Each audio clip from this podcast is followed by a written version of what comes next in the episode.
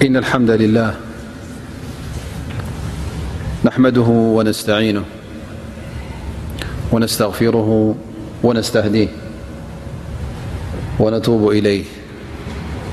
ونعوذ بالله من شرور أنفسنا ومن سيئات أعمالنا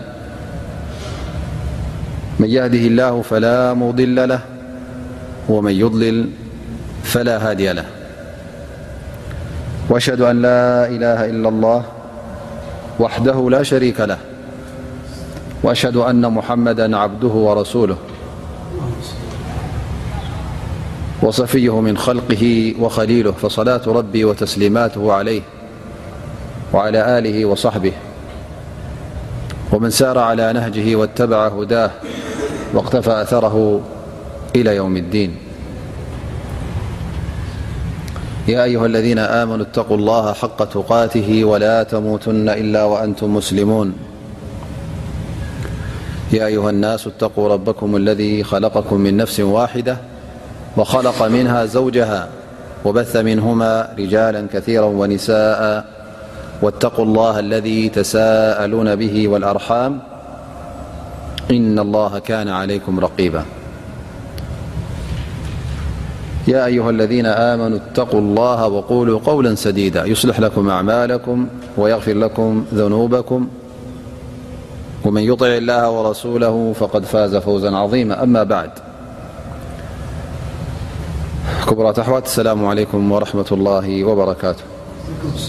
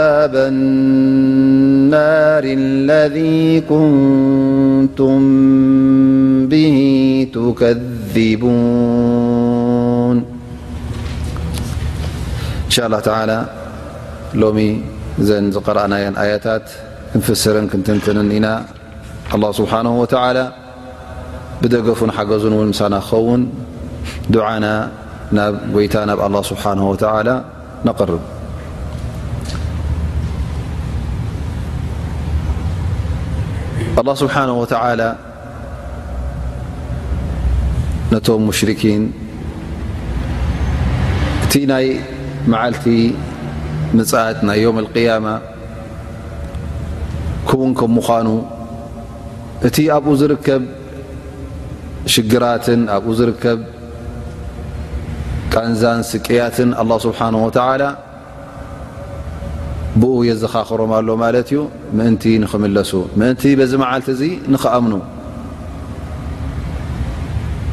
ዮም ቅያማ ርግፅ ክመፅእ እዩ መፅ እውን ኣብዚ መዓልቲ እዚ እቶም ክሒዶም ዝነበሩ እቶም ገበነኛታት ኣላ ስብሓን ወተዓላ ክቐፅዖም እዩ ኣብዚ መዓልቲ ክዋረዱ እዮም ኣብዚ መዓልቲ እዚ ዘምፅኡ እንተምፅኡ ምኽንያት እውን ኣላህ ስብሓን ወተዓላ ኣይክቐበሎን እዩ ስለዚ ኣላ ስብሓን ወተላ ገለ ደቂቕ ነገራት ኣብቲ ዮም ኣልቅያማ ዝርከብ ብሓፈሽኡ እሕና ክንኣምን ዝግብኣና ጠብዓ ዮም ኣልቅያማ ከም ዘሎ ብሓፈሽኡ ክንኣምን ኣለና ድሕሪ ሞት ትንሳኣ ከም ዘሎ ክንኣምን ኣለና ቅያማ እውን ኣብዚ መዓልቲ እዚ ኣላ ስብሓን ወተላ እንታይ እንታይ ከም ዝርከብ ጀና ኣሎ ጀሃንም ኣሎ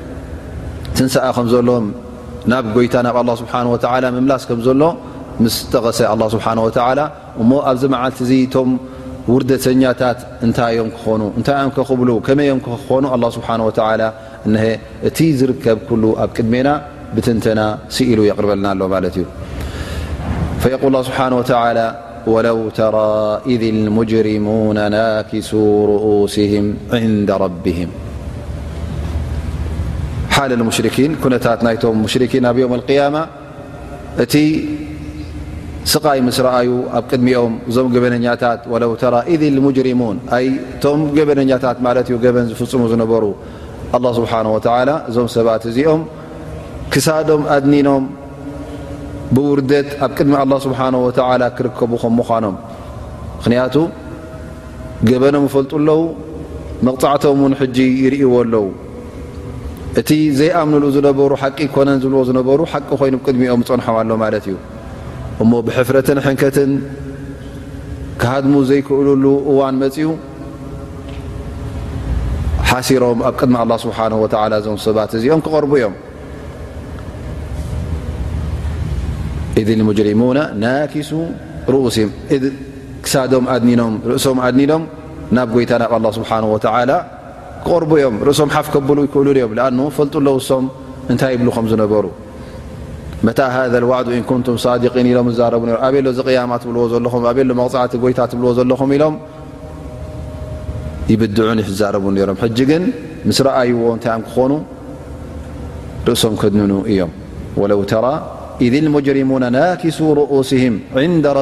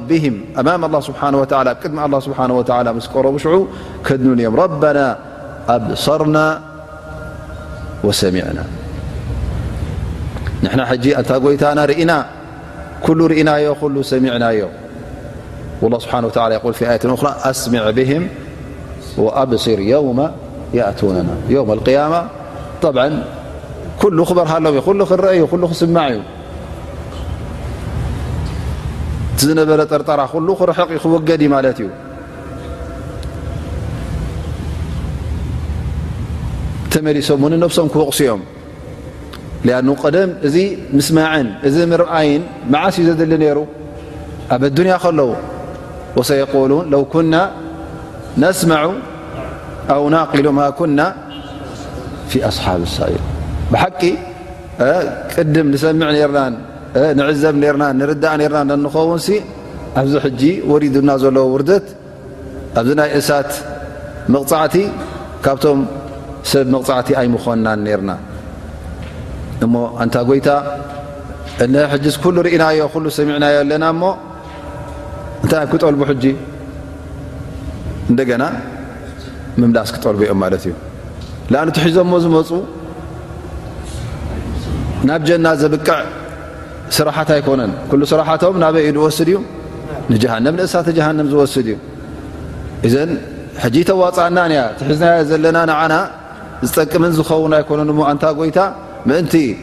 ናብ መገዲ ንክንምለስ ናብቲ መገዲ ሓቂ ናብቲ ዝበልካና ሕጂ ኩሉ ርኢና ኣለና ላስ ብድሕሪ ሕጂ ዘጠራጥር ኩነታት የብልናን ረና ኣብሰርና ወሰሚዕና ፈርጅዕና ኣይ ኢላ ዳር ኣዱንያ ናብ ኣዱንያ ምለሰና ስለምንታይ እንታይ ክንገብር ናዕመል ሳሊሓ ንሕና ሰብ ሰናይ ኣይነበርናን ሰብ እከይና ነርና እሞ ሕጂ ነቲ ሰናይ ስራሓት ንክንሰርሖ ነዱንያ ምለሰና እንታ ጎይታና ኢሎም ይሓቶ እና ሙቂኑን ሕጂ ከላስ ኣይቀናን እቲ ጉዳይ ርኢና ኢና ብዓይንና ዘጠራጥር ነገር የብልናን ሓቂ ከም ምዃኑ እቲ ቃልካ ሓቂ ከም ምዃኑ እቲ ውዕልካ እንሀ ርኢና የለና ኢሎም ናይ ጣዕሳ ምልክት የርእዩ ማለት እዩ እዚ ጣዕሳ እዚ ግን ግዜኡ ሓሊፉ እዩ እዞም ሰባት እዚኦም ትክጣዓሱ ዝግብኦም ዝነበረ ኣብ መዓስ ከሎ ኣበይ እዩ ኣብ ኣዱንያ ከለዉ ዕድል ሙሉእ ዕድል ተዋሂቦም እዮም ዕድሎም ኣይተጠቐሙሉን ላ ስብሓን ወተላ ኩላህና ንፈለጥ ኢና ራሒሙን ብዕባድ ነዞም ሰባት እዚኦም ዳ ዕድል ደይቦም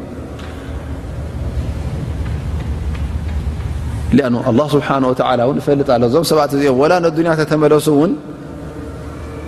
ክዕረዩ ድኦም ንኣፎም እዮም ክንዕረ ዝብሉ ዘለዉ ዳኣ እምበር ኣላ ስብሓን ወተላ ይዕለም ደኣኑ እዞም ሰባት እዚኦም እቲ ኣብ ኣዱንያ ከለዉ ዝወሃብዎ ዝነበሩ ምኽርን ዝወሃብዎ ዝነበሩ ዘረባን ሓበሬታን ኩሉ ይቕበልዎ ኣይነበሩን እቲ ዝወሃብዎ ዝነበሩ ሓበሬታ እውን ኣዕጋቢ ዝኾነ እዩ ነይሩ ወዲ ሰብ ዝቕበሎ ማለት ኣላ ስብሓን ወተዓላ እቲ ጭብጥን እቲ ኣድላ ካብ ቁርን ይኹን ካብ ሱና ይኹን ተኣምር ይኹን ኣ ስብሓን ወላ በቢ ዓይነቱ መብርሂ ገይሩ በቢ ዓይነቱ ጭብጢ ገይሩ ኣላ ስብሓን ወተዓላ መስሪ ኣቒብሎም እዩ እዞም ሰባት እዚኦም ግን ኣብ ኣዱንያ ከለዉ ይተቐበልዎን እንደገና ሕጂ ዋላ ብዓይኖም ሪኦም ከለዉ ሕጅስ ኣሚንና ኢና ሕጅ እቲ ጉዳይ ተረጋጊፅናሉ ኢና ብዓይንናን ብእዝናን ሰሚዕናዮ ኢና እሞ ጭብጢ ኮይኑ እዩ ኣንታ ረቢ ሕጂ ምለሰና ዝብሉ ዘለዉ ቅድሚ ሕጂ እውን መዓስ እቲ ሸርዒ እስልምና እቲ ዲን ኣላ ስብሓን ወተዓላ ዝለኣኾ መዓስ ኣጠራጣሪ ነይሩ ኣላ ስብሓን ወተዓላ ንነብያት ክልእኽ ከሎ ነቲ ክታብቲ ከውርዱ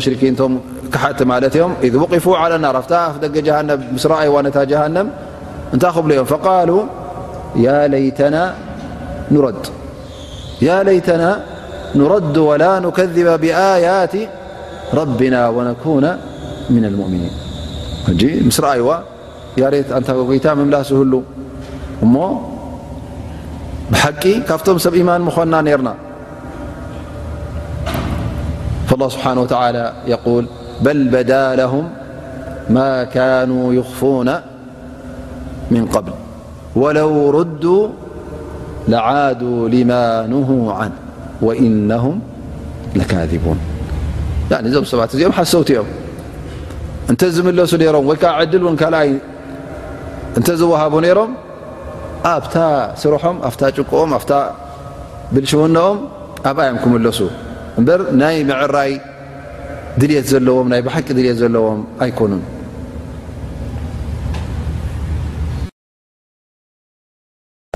ذ ስብሓ እዞም ሰባት እዚኦም ከምዚ ስለ ዝኾኑ እቲ ካልኣይ ዕድል እውን እንተተዋሃብዎ ኣይክጥቀምሉን እዮም ሓሰውቲ እዮም ቅድሚ ሕጂ ብዙሕ ዕድላት ዶ ይተዋሃቡን ሙሉ ዕድሚኦም ዶ ይነበሩ ናብ ኣዱንያ ሓቂ ኩሉ ይግለፀሎም ነይሩ ፈልጥዎ ነይሮም እኹል መርትዖ ይወሃቡ ነይሮም ግን ቅጭጭ ኣይበሎምን እቲ ሓቂ ክሳዕ ክንዲ ብርህን እከሎ እናረኣይዎ ከለዉ ዘይተገደስሉ ሕጂ እውን ኣይክግደስሉን እዮም ስለዚ እዞም ሰባት እዚኦም ሓሰውቲ ከም ምኳኖም ኣላ ስብሓን ወላ ፈልጦም ስለ ዝኾነ እቲ ካብ ኣኼራ ወይ ከዓ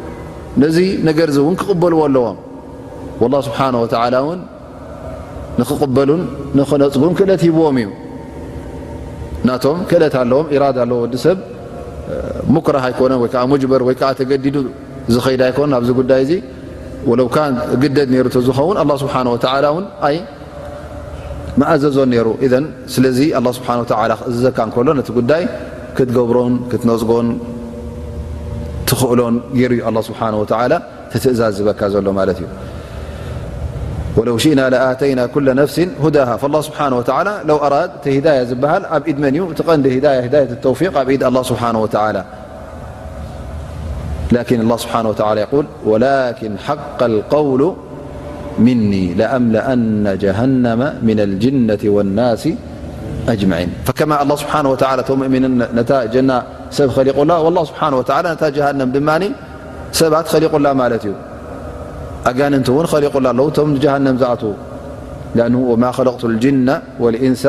ኢላ ያዕቡዱን እዚኦም እቶም እዛ ዱንያ እዚኣ ክፍጠሩ ከለዉ ንዕባዳ ንኣ ስብሓ ወላ ኣምልኾት ንኽቡ ኢሎም እዮም ተኸሊቖም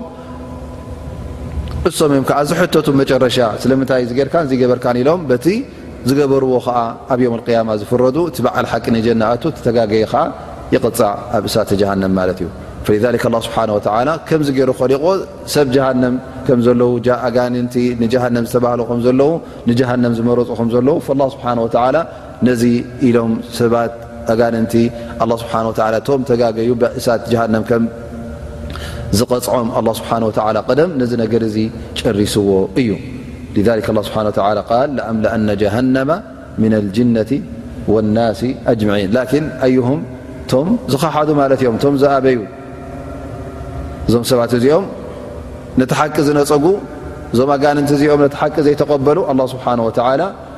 ክቐፅዖም ከም ምዃኑ ጀሃንም ብኦም ክመልኣ ከም ምዃኑ እነሀ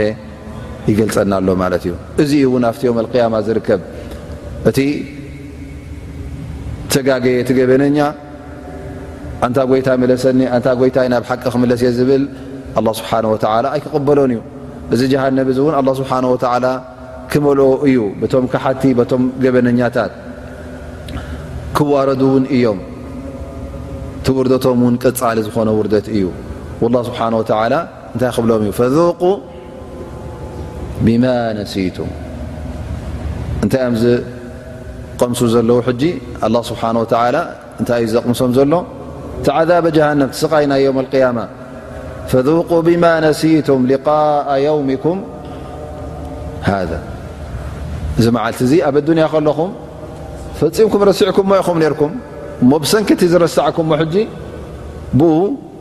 መቕጻዕቲ ይወርደኩም ኣሎ ተዘኻኺርኩም ነርኩም ተዝኾኑ ፈሊጥኩም ነርኩም ተገዲስኩምሉ ነርኩም ተዝኾኑ ኣብዚ መቕጻዕቲ እዚ ኣይመወደቕኩምን ነርኩም ምክንያቱ እዚ ነገር እዚ ኣይርከብን እዩ ኢልኩም ከም ዘበት ስለ ዝረኣኹሞ ዘይከውን ነገር ኮይኑ ስለ ተሰማዓኩም ፈፂሙ ሓንጎልኩም መፃእ ኣይነበረን ናይ ያማ እዚ መዓልቲ እዚ ኩሉ ነገራት ረሲዕኩሞ ኢኹም ርኩም ከምዘየሎ ጌርኩም ርኢኹሞ እሞ እነሀ ኣላ ስብሓን ወተዓላ ከምታ ኣብ ዮም ኣልቅያማ ኣብ ዱንያ ከለኹም ነዚ ሓቂ እዚ ረሲዕኩሞ ዝነበርኩም እነሀ ኣላ ስብሓን ወተዓላ እውን ክገድፈኩም እዩ ክርሰዓኩም እዩ ከምቲ ንስኹም ነዚ ሓቂ ዝረሳዕኩማ ልክዕ ኣላ ስብሓን ወተላ ከምኣ ገይሩ እውን ክቐፅዓኩም እዩ ብ ምርሳዕ ክበሃል ከሎ ኣ ስብሓን ወላ ረሲዑ ማለት ኣይኮነን ን ኣ ስብሓን ወላ ላ የንሳ ላኪን ከም እትረስዑ ይገብሮም ማለት እዩ ኣላ ስብሓን ወላ ንጀሃንም ምስ በሎም ኣብኡ ፈፂሞም ኣብኡ መዋእሎም ክነብሩ እዮም ስብሓን ወላ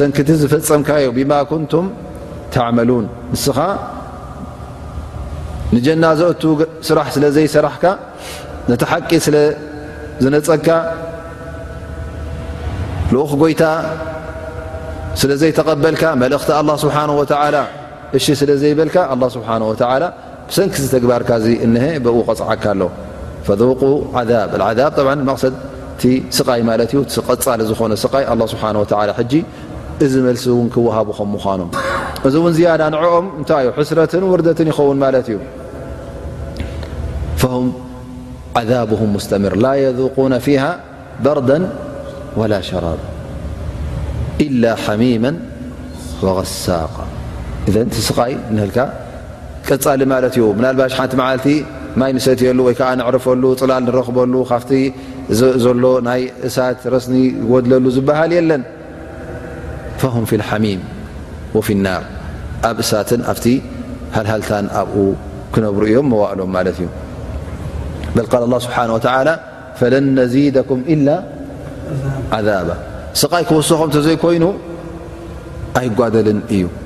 ዘን ኣላ ስብሓን ወተላ እነሀ መጠንቀቕታ እዩ ዝበና ዘሎ እዚ ዩ ክርከብ ፅባሕ ንግሆ ከምዚ ዝበሃል ዘረባውን ክሰምዑ ይኹም ካብ ኣላ ይኹን ወይ ከዓ ካብቶም መላእካ እሞ እዚ ናይ መዓልቲ ውርደት እዚ ከይተረኸበ ከሎ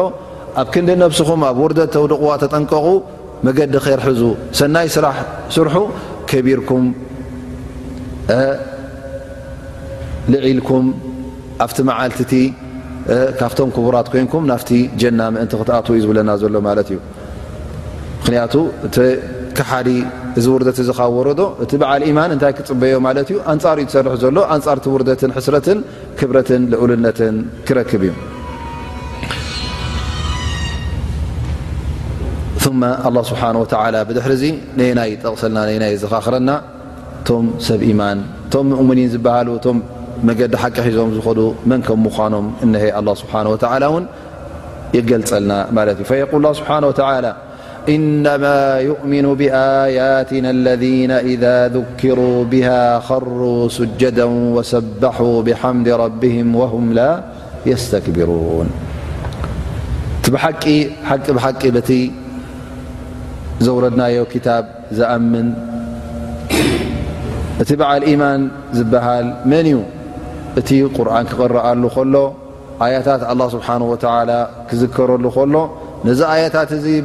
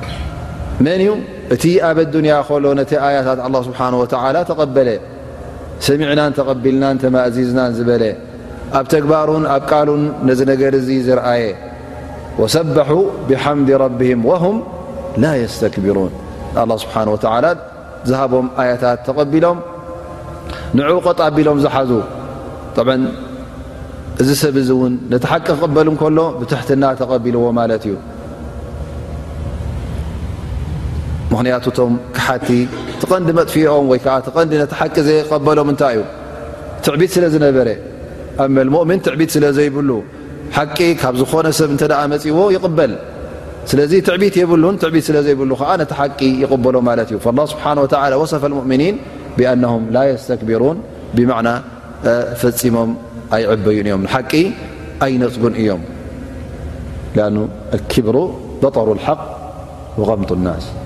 እቲ ተከቡር ወይ ከዓ ትዕቢት ዝበሃል እንታይ እዩ ንሓቂ ምንፃግ እዩ ንሓቂ ክትነፅግን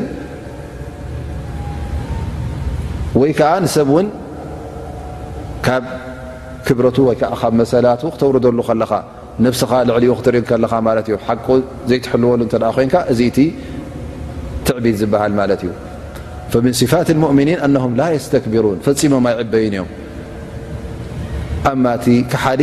ሓቂ እናሰምዖ ከሎ ትዕቢት ሒዝዎ ኣነስ እዚ እከለ ወዲ ከለ ዝበለኒ ዶ ክቕበል እየ እናበለ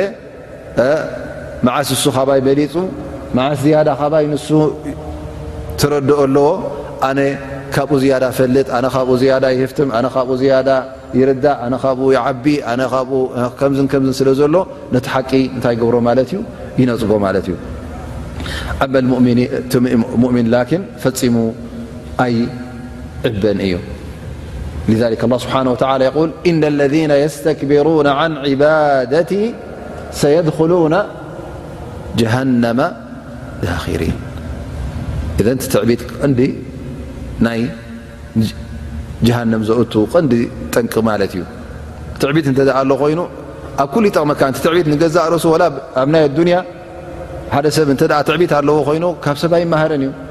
ክፈልጥ እውን ኣይደልን እዩ ትዕቢት እንተ ኣሎ ኮይኑ ዕልሚ ናይ ወላ ናይ ኣራ ዘይኮነ ሓታ እቲ ናይ ኣዱንያ ብዙሕ ስራሓት እናረኸብካ ከላ ምኩም ብትዕቢት ትገድፎ ንዓዛ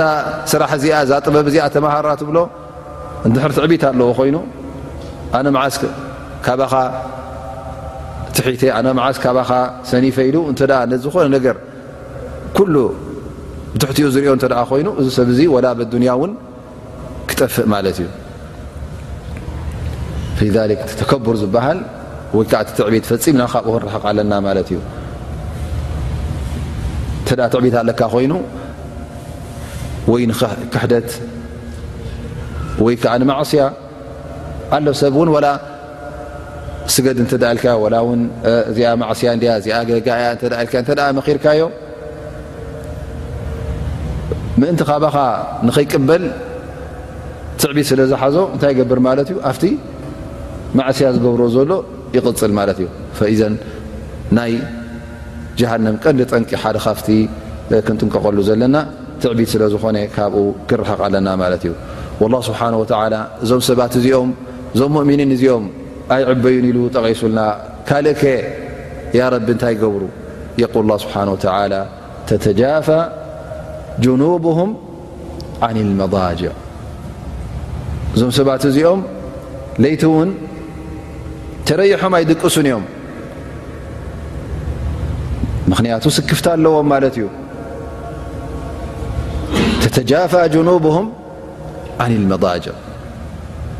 ራዕ ኢሉ ተ ደቂሱ ሓደ ሰብ እንታይ ክኸውን እዩ ወላ ስብሑ ክገድፍ እዩ ላ ውን ካልእ ገድፍ ማለት እዩ ላን ሃም እንተ ኣለዎ ኮይኑ ናይ ጎይታይ ሰላት ኣላ ንጎይታይ ክህባ ዝግብኣኒ ግቡእ ኣላ ኢሉ ባዳ ኢሉ ቆፂሩ እተ ደቂሱ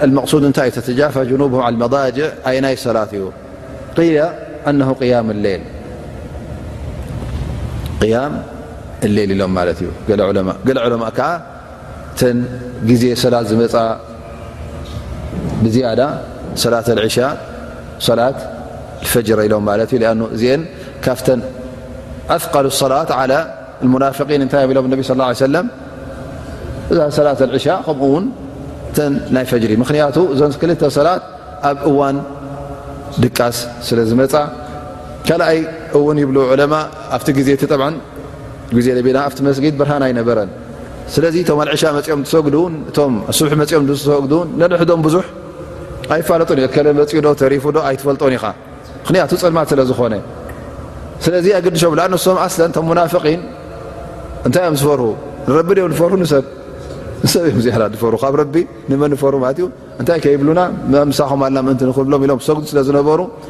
ማዳ ሓደ ይርእዮምን እዩ ላስ ማፊ ሙሽኪላ ድሓነ ተተረፍና እውን ስቡሒ ነበርካ እተ ኢሎም ላላ ነ ኣነ በሳ ይረኣኻን ክብሎ እዩ ኣነ ፀልማት ነይሩ እሱ እንታይ እዩ ዝግድሶ ንኡ እታ ሪኦ ሞ ናይ ረኣይዎን ሰባት ማለት እዩ ላኪን እቶም ብሓቂ ሰብ ኢማን ፈፂሞም ወላ ኣብ ድቃስ እንተ ነይሩ ኮይኑ ተተጃፋ ጀኖቦም ማዳም እዚ ሰብ እዚ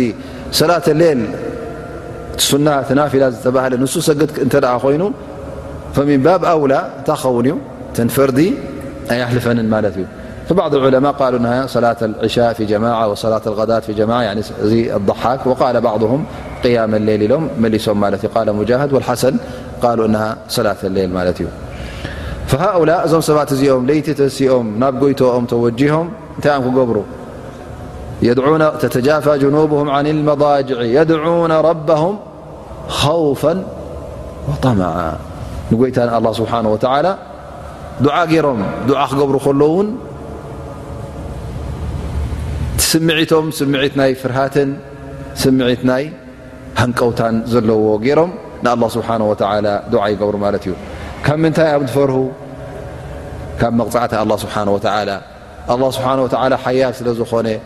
ቀፃዒ ስለ ዝኾነ እንተ ደኣ ቀፅዓካ ኮይኑ ውን ዘገላግለካ ስለ ዘይብልካ እንታይ ትገብር ማለት እዩ ትፈርህ ኣማ እንተ ደኣ ካብኡ ክትገላገል ትኽእል እተ ኮንካ ዝሕግዘካ ከም ዘሎ እተ ትፈልጥ ኮንካ ሃል ትፈርሆ ዶ ኣይትፈርሆን ኣይትፈርህን ኢኻ እንታይ ከይገብር እንታይ ከየብልካ ተብል ማለት እዩ ኣማ እተ እዚ ጎይታ እዚ ሓያል ከም ምዃኑ ብሓይሉ ዘርክብ ከም ዘየለ ምንም ዘገላግለካ ካብኡ ከም ዘየለ ዘይርስዕ ጎይታ ከም ምዃኑ እዚታት ኩሉ እንተ ትፈልጥ ኮይንካ ኩሉ ግዜ እንታይ ክትገብር ኣለካ ማለት እዩ ትፈርሃ ኣለካ ማለት እዩ እዚ እቲ በዓል ኢማን ከሊክ ኸውፈን ወጠመዓ እንታይ እዮም ሃንቀውታ ናይ ምንታይ ኣለዎም እቲ ተዋብ ናቱ እቲ ኣጅርናቱ ንክረኽቡ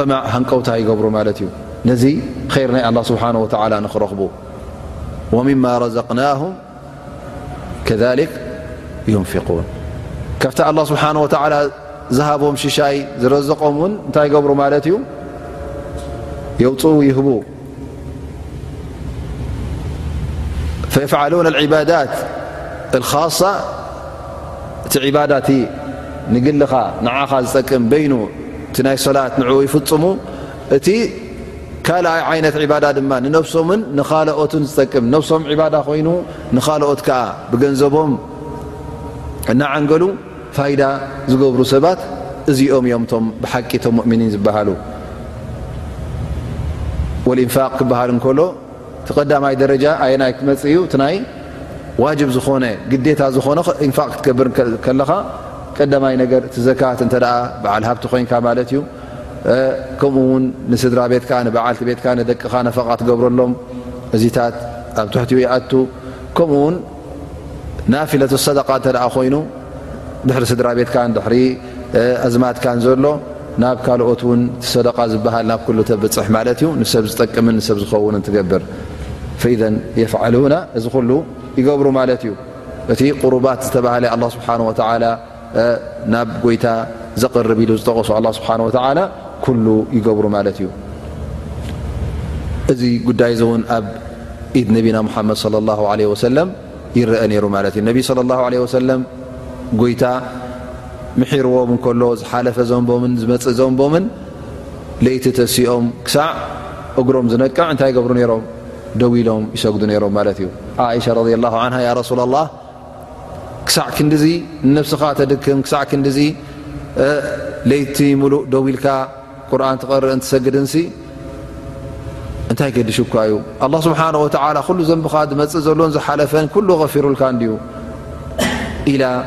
ይሻ ረ ላ ነቢ ለ ላ ለ ወሰለም ተዛሪባቶም ማለት እዩ ነቢ ስ ሰለም እንታይ ኢሎም መሊሶም ኣፈላ ኣኩኑ ዓብደን ሸኩራ ወላ እውን ኣላ ስብሓን ወተላ እንተመሓረኒ ኣነኸ ምሕርካኒ ኢለ ዶ ሱቕ በል ከመስግኖ ዶ ይግብኣንን እዩ ኣ ስብሓ ብሰንኪ ምሕረቱ እሞ ስብሓ ኣልሓምዱላ ሽክሩ ላ ኢለ ነቲ ጎይታይ ናይ ምስገና ስራሕ ዘየርኢ ባርያ ስብሓ ወላ እውን ከምዝኸውን ኣለዉ ኩሉ ግዜ ውን ኣመስግንካ ንጎይታ ኣላ ስብሓን ወተላ እንታይ ክገብረካ ክውስኸካ እዩ ማለት እዩ ዝያዳ እውን ክትረክብ ኢኻ ፈሊዛልክ ኩሉ ግዜ ግዴታ ኣይኮነን እቲ እስትቕፋር ክትገብር እንከለኻ ጌጋ ወይ ከዓ ማዕስያ ፈፂምካ ኣይኮነን እስትቕፋር ንገዛእ ርእሱ ደረጃ ውስኸካ ማለት እዩ ነቢ ለ ላ ለ ወሰለም ኣብ መዓልቲ ክንደይ ግዜ እስትቕፋር ገብሩ ነይሮም ሰ መራ ወፊ ርዋያ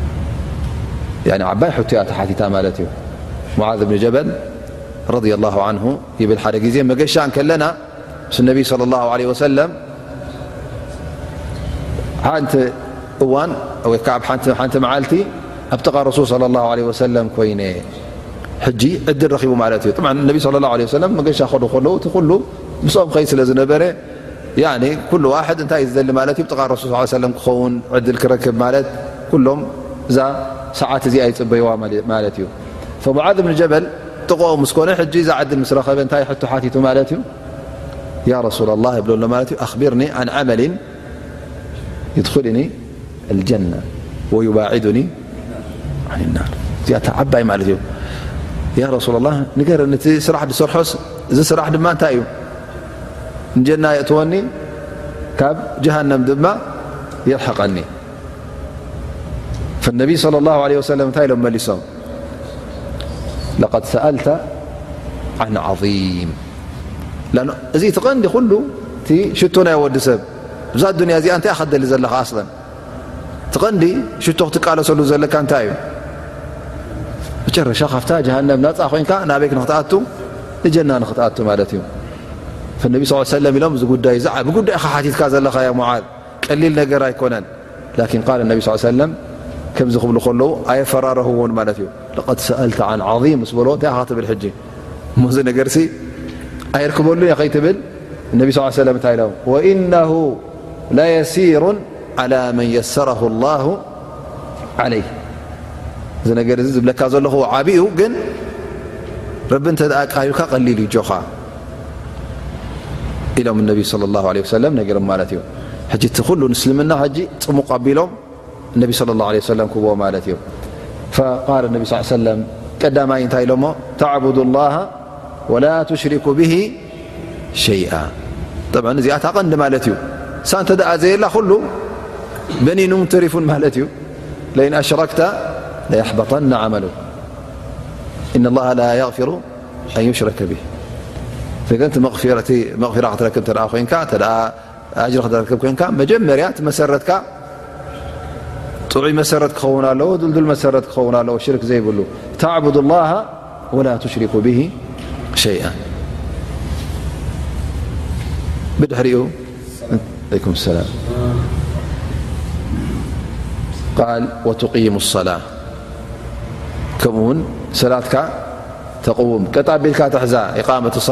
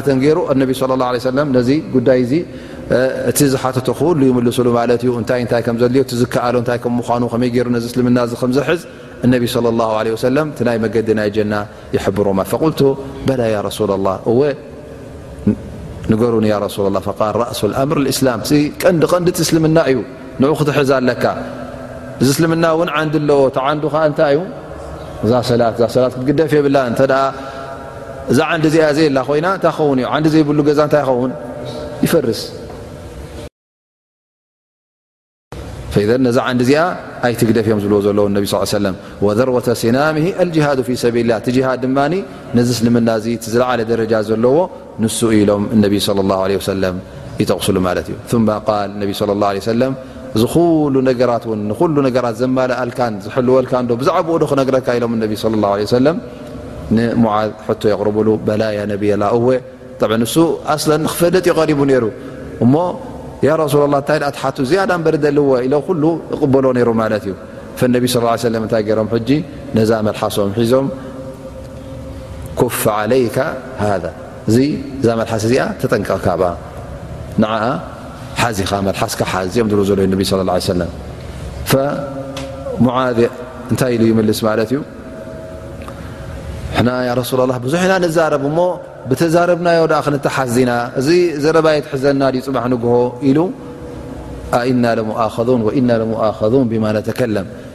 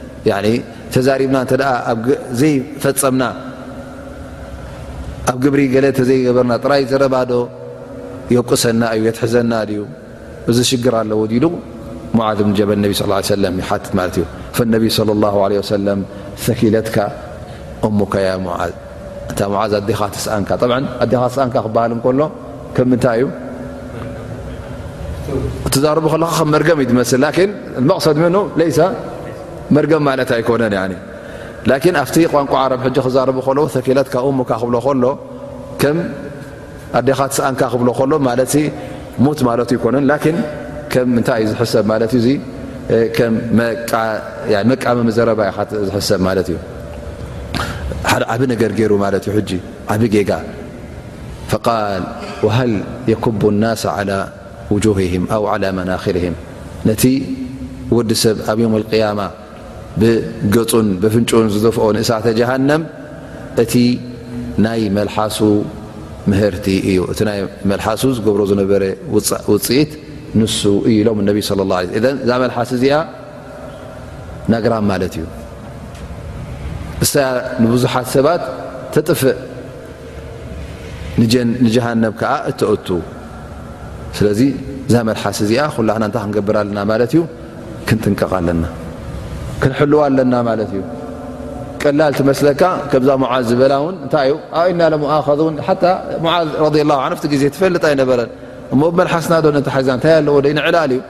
ንዕል ኢልና ና መዓስ ናይ ብሓቂ ኮይኑ ኢልካ ትዛረቦ ማለት እዩ ላዓለከ ላ ተሪ እታ ሎ መዓልቲ ትዛረብካ ሓንቲ ቃል ትሉ ዲንካ ትሉ እስልምናኻ ኣጥፊኣትልካ ትኸውን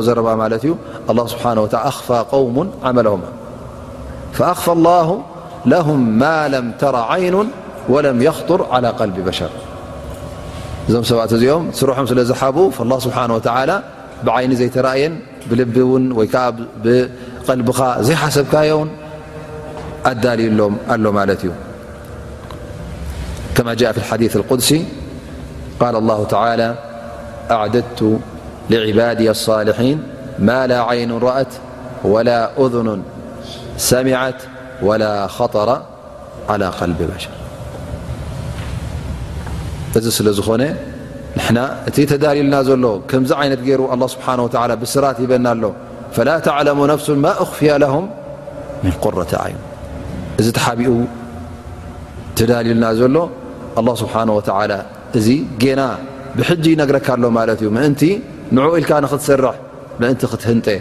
ንውዕ ኢልካ ንምእንቲ ክትጓየ ላ ኸጠራ ዓላ ቀልቢ በሸር ወላ ፈፂምካ ተሓሲቡ ዘይፍለጥ ተራእዩ ዘይፍለጥ ኣብ ኣዱንያ ይኹን ወላ እውን ኣብቲ ሓሳብ ዘይመፀካ ማለት እዩ እዘ እቲ ንጀና ተዳልልና ዘሎ እዚ ዘይበሃል ሽሻያት ስለ ዝኾነ እቲ ዝሻያት እቲ እንታይ ክንገብረሉ ኣለና ማለት እዩ ክንሰርሓሉ ኣለና ክሰርሓሉ ከለኻ ድማ ከምቲ ንስኻ ተገዲስካ ተሓቢእካ ትገብሮ ዝነበርካ እቲ ረቢ ዝፈትዎ ስራሓት ኩሉ ንዑ ክትሰርሕ ኣለካ ካብቲ ረቢ ዝፀልኦ ነገራት እውን ኩሉ ግዜ ክትርሕቕ ኣለካ ማለት እዩ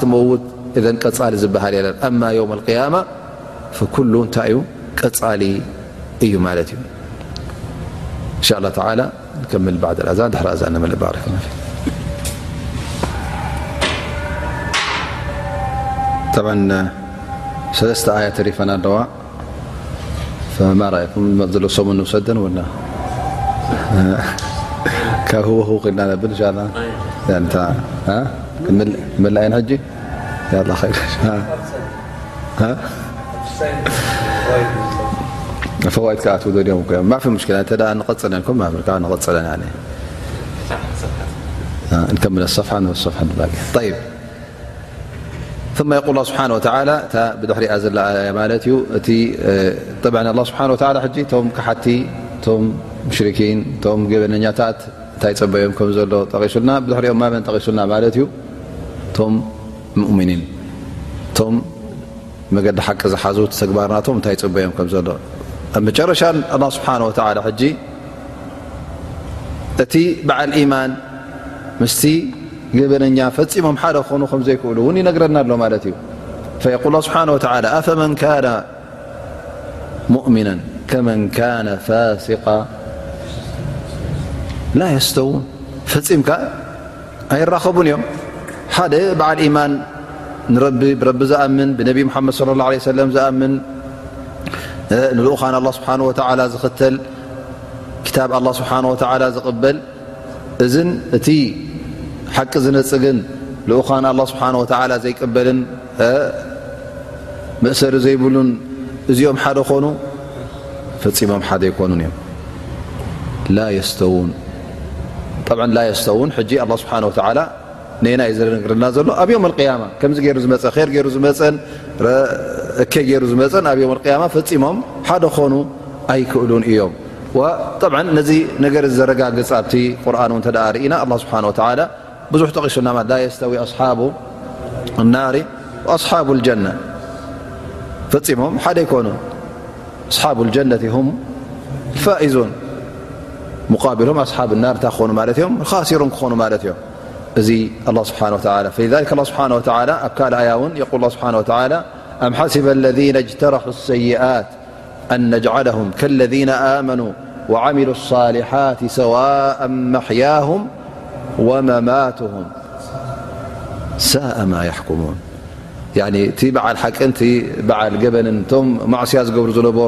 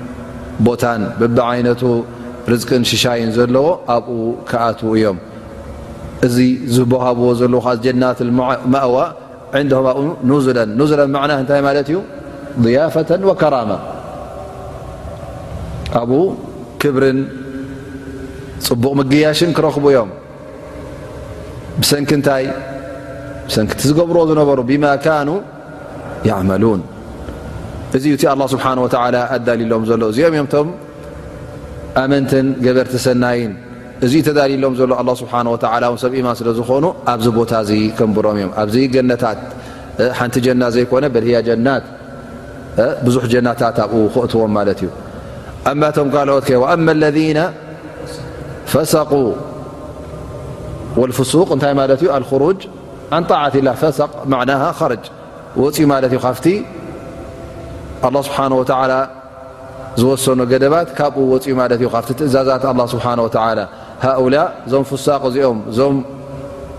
ገበርቲ እከይ እዞም ትእዛዝ ኣላ ስብሓን ወተላ ዘይተቐበሉ ካብ ሕጊ ኣላ ስብሓን ወተላ ካብ ቀይዲ ኣላ ስብሓን ወተላ ዝወፁ ይብል ኣላ ስብሓን ወተላ እዞም ሰባት እዚኦም ኣበይ ከኣትወዮም ፈማእዋም